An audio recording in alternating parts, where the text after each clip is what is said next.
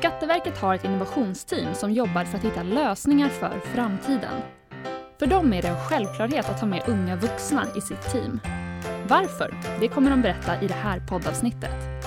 De kommer också bjuda på tips kring hur en egenföretagare kan jobba med innovation och vad nyttan kan bli för företaget. Du lyssnar på Arbetsförmedlingens arbetsgivarpodd med mig Elinor Wassberg och idag gästas vi av Anna Englund och Matilda Lindberg från Skatteverkets innovationsteam. Välkomna Matilda och Anna. Tack så mycket. Tack så mycket. Roligt att ni är här idag. Och ni jobbar ju båda två på Skatteverket. Mm. Vad gör ni där? Eh, vi jobbar båda i Skatteverkets innovationsteam. Eh, och det är ett mindre team eh, som har fått i uppdrag av Skatteverket att driva innovation. Eh, så väldigt luddigt, men eh, världens roligaste jobb. Vad gör ni praktiskt sett? Så du Anna, vad, vad, kan du göra under en dag? Eh, det ser helt olika ut. Eh, jag kan vara och spela in en podd till exempel. Mm. Eh, jag kan sitta och googla en hel dag. Jag kan hålla workshops, presentationer, jag kan sitta och redigera film. Eh, ja, det finns, beror helt på vilket projekt man är insyltad i och var, vart vi är i vilken fas. så det är otroligt varierande arbete. Och vad ger det för någonting, skulle du säga, för, ja, för Skatteverket? Eh, vi försöker ju att egentligen lösa problem som kanske inte riktigt finns ännu, men som kommer att finnas. Så vi försöker att bana väg så att när det väl händer så har vi redan testat det här.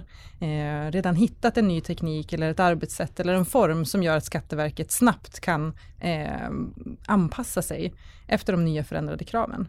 Eh, så det är, eh, det är vad vi gör. Och Anna, du nämnde ju att du och Matilda gör ungefär samma saker. Mm. Hur, berätta Matilda, hur ser det ut för dig? Ja, jag praktiserar ju då i innovationsteamet genom Tekniksprånget. Eh, det är en fyra månaders betald praktik som man kan göra om man eh, gått ut gymnasiet på ja, teknik eller naturlinjerna. Och då får man helt enkelt möjligheten att prova på att jobba på en teknikfokuserad arbetsplats. Eh, som innovationsteamet är då helt enkelt. Och jag får ju göra precis samma saker som resten av teamet gör. Så att som Anna nämnde så kan det ju vara ja, men samma uppgifter för mig helt enkelt. Mm. Mm, otroligt varierande. Det var jätteviktigt för oss när vi tog in eh, praktikanter också, att det inte skulle vara någon som eh, liksom hängde över axeln eller eh, hämtade kaffe eller gjorde saker som inte vi ville göra, utan vi ville verkligen ha in mer arbetskraft och få andras eh, tankar och insikter. Eh, så det var vi väldigt tydliga med eh, redan vid intervjuerna. Och då valde ni att, eh, att jobba med just Tekniksprånget, eller mm. plocka in praktikanter från Tekniksprånget. Och det är fokus på, som, som du berättade, att man har ja, men en viss bakgrund men också att man är ung vuxen. Precis. Det är en viss åldersgräns, eller hur? Ja, man kan söka man är 18 till 20. Vad ser ni då från, ja, från innovationsteamet, vad ser ni för vinster med att jobba med, ja, med Matilda och, och andra unga vuxna? Eh, massor med vinster. Eh, det finns ett eh, långt eh, gediget dokument eh, om våra argument till varför det här ens skulle ske. Eh, men som jag nämnde tidigare så försöker vi ju liksom lösa problem som inte finns än. Vi försöker jobba någonstans eh, 5-10 år framåt i tiden. Eh, då är det Matilda och eh, eh, hennes crew som kommer vara skattebetalare, så det är egentligen deras problem i framtiden som vi behöver lösa nu. Eh, så det är en av anledningarna, att varför ska vi sitta och lösa problem som vi tycker, när det är en helt annan generation som kommer, som har andra sätt att se på saker. Eh, så det såg vi som väldigt viktigt. Sen är det ju, man hamnar ju lite i en så här arbetslivs erfarenhetsbox. Så även om man kommer till en ny arbetsplats och försöker att liksom, eh, ta in nya, nya tänk, så tänker man ofta i processer eller system ändå. Men det gör inte de här. Eh, det blir ett helt nytt sätt att tänka. Eh, så det har vi verkligen haft eh, stor nytta av. Vad skulle, vad skulle ni säga är eh, några typ av förutsättningar för att ha en, liksom ett bra innovationsarbete? Eh, jag kan ju bara tala utifrån innovationsteamet och där är ju teamet det viktigaste. Eh, det är en förutsättning för oss på Skatteverket att vi får vara tvärfunktionella. Eh, ingen har liksom samma erfarenhet som den andra. Ehm, vi rekryterar inte till innovationsteamet utefter vilken kompetens man har, utan vi rekryterar efter ehm, vem man är som person. Ehm, så för oss är det liksom viktigt att man är intresserad av innovation, man är intresserad av samhällsutveckling, man är intresserad av eh, Skatteverket och man har ett liksom, genuint samhällsintresse. Eh, så det ser vi som en, en superviktig del i det. Eh, transparens. Ska man jobba i ett team som ska vara innovativa, då jobbar man i en supersnabbrörlig värld. Det händer saker hela tiden, man får kasta om saker på liksom stående fot. Då behöver man ha en tät och nära relation till de man jobbar med. Eh, och kunna vara transparenta och ärliga med varandra och kunna backa tillbaka och göra om och göra rätt och ändra på saker. Eh, så det tycker vi har varit nyckeln för oss. Håller du med? Absolut. Ja. Vad har, eh, men vad har din upplevelse varit av att vara på Skatteverket nu, just innovationsteamet?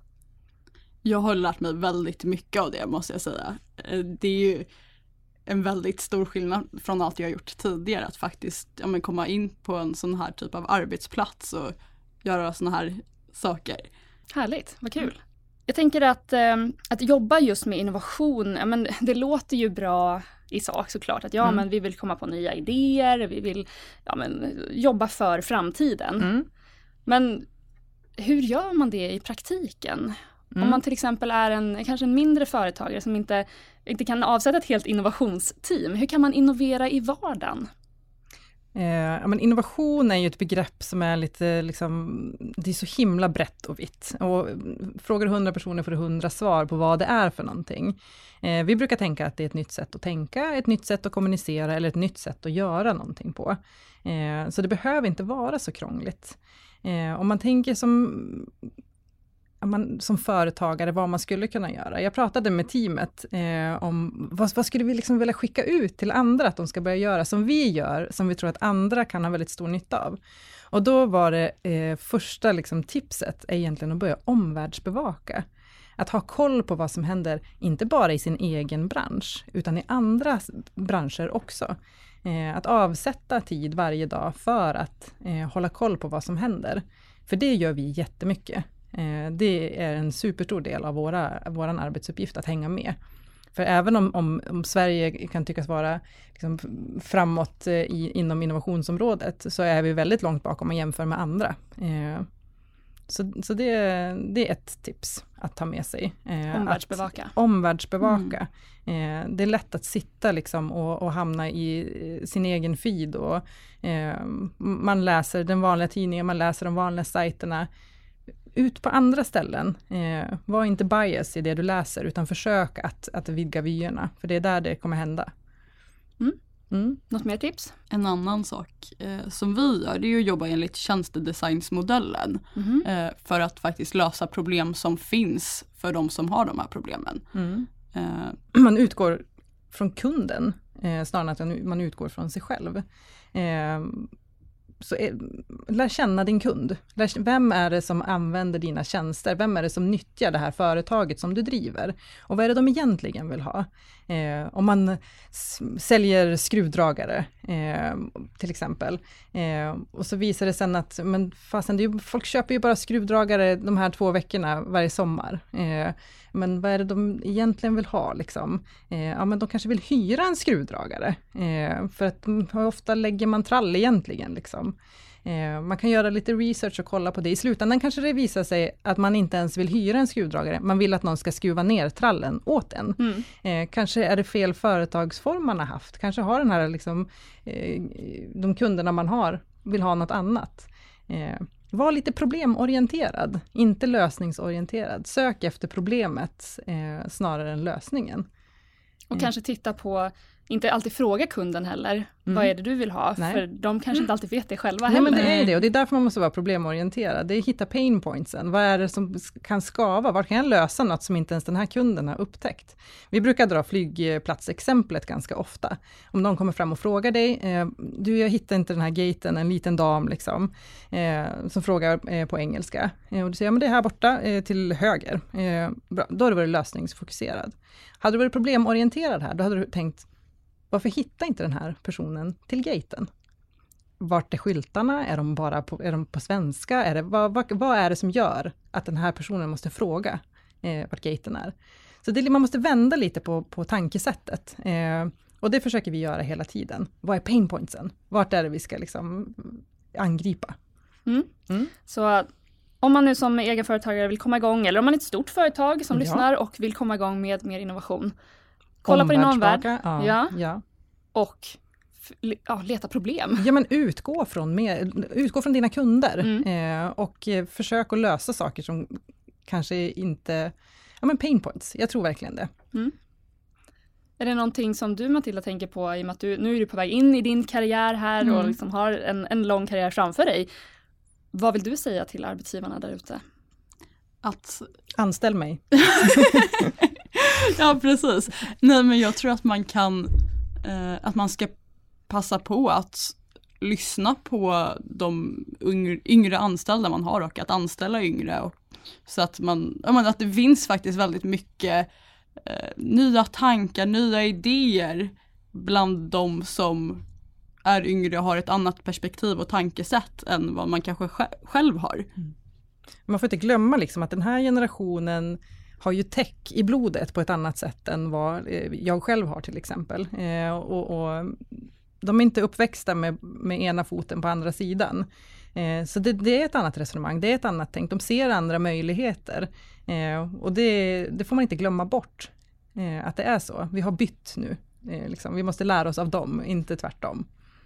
Och som ni pratade om i början här också, att ha tvärfunktionella team, att Mm. också att jobba med att ha många olika synsätt då Mm. på Ja. samma Mm. sätt också. Ja, ja. Eh, för oss är ju det jätteviktigt. Eh, det driver ju hela tiden ens nyfikenhet också. Eh, I våra team har vi ju liksom analytiker, vi har eh, backend, frontend, vi har arkitekter. Det är, det är verkligen en salig blandning. Eh, vilket gör att alla har sin egen expertis, men eftersom vi alla gör samma uppgifter så innebär det här att vi måste ta hjälp av varandra. Eh, så man är alltid på tårna, man lär sig alltid nya saker, man måste alltid eh, vara ödmjuk inför saker och fråga om hjälp. Och, så det, det, det föder mer saker än man tror att vara tvärfunktionella. Och är det så att jag själv inte har möjlighet att ta in ett helt team så kan jag ju använda mitt nätverk, som du säger, fråga folk, be om hjälp. Exakt, och det har vi också liksom som ett tips och det är ju att samarbeta. Även om man är ensam i sitt företag så finns det ju andra som också driver egna företag, som kanske försöker lösa samma problem. Varför ska alla sitta och lösa samma problem när ni kan kanske liksom lösa varandras problem? Dela upp det här, försök att liksom nätverka och hitta en form där ni kan eh, jobba tillsammans istället. Utmärkt. Mm. Tusen tack för att ni kom hit idag och delade med er. Och Tack så hemskt mycket, det var Ja, roligt. Elinor. lycka till med innovationsarbetet. Tack så mycket. Tack så mycket. Du har lyssnat på Arbetsförmedlingens arbetsgivarpodd med Anna Englund, Matilda Lindberg och mig Elinor Wassberg. Inspelningsansvarig var Andreas Damgård. Han och jag vill gärna höra vad du tycker om Arbetsförmedlingens arbetsgivarpodd. Maila dina tankar till podcast arbetsformedlingen.se. Och om två veckor är vi tillbaka med ett nytt avsnitt.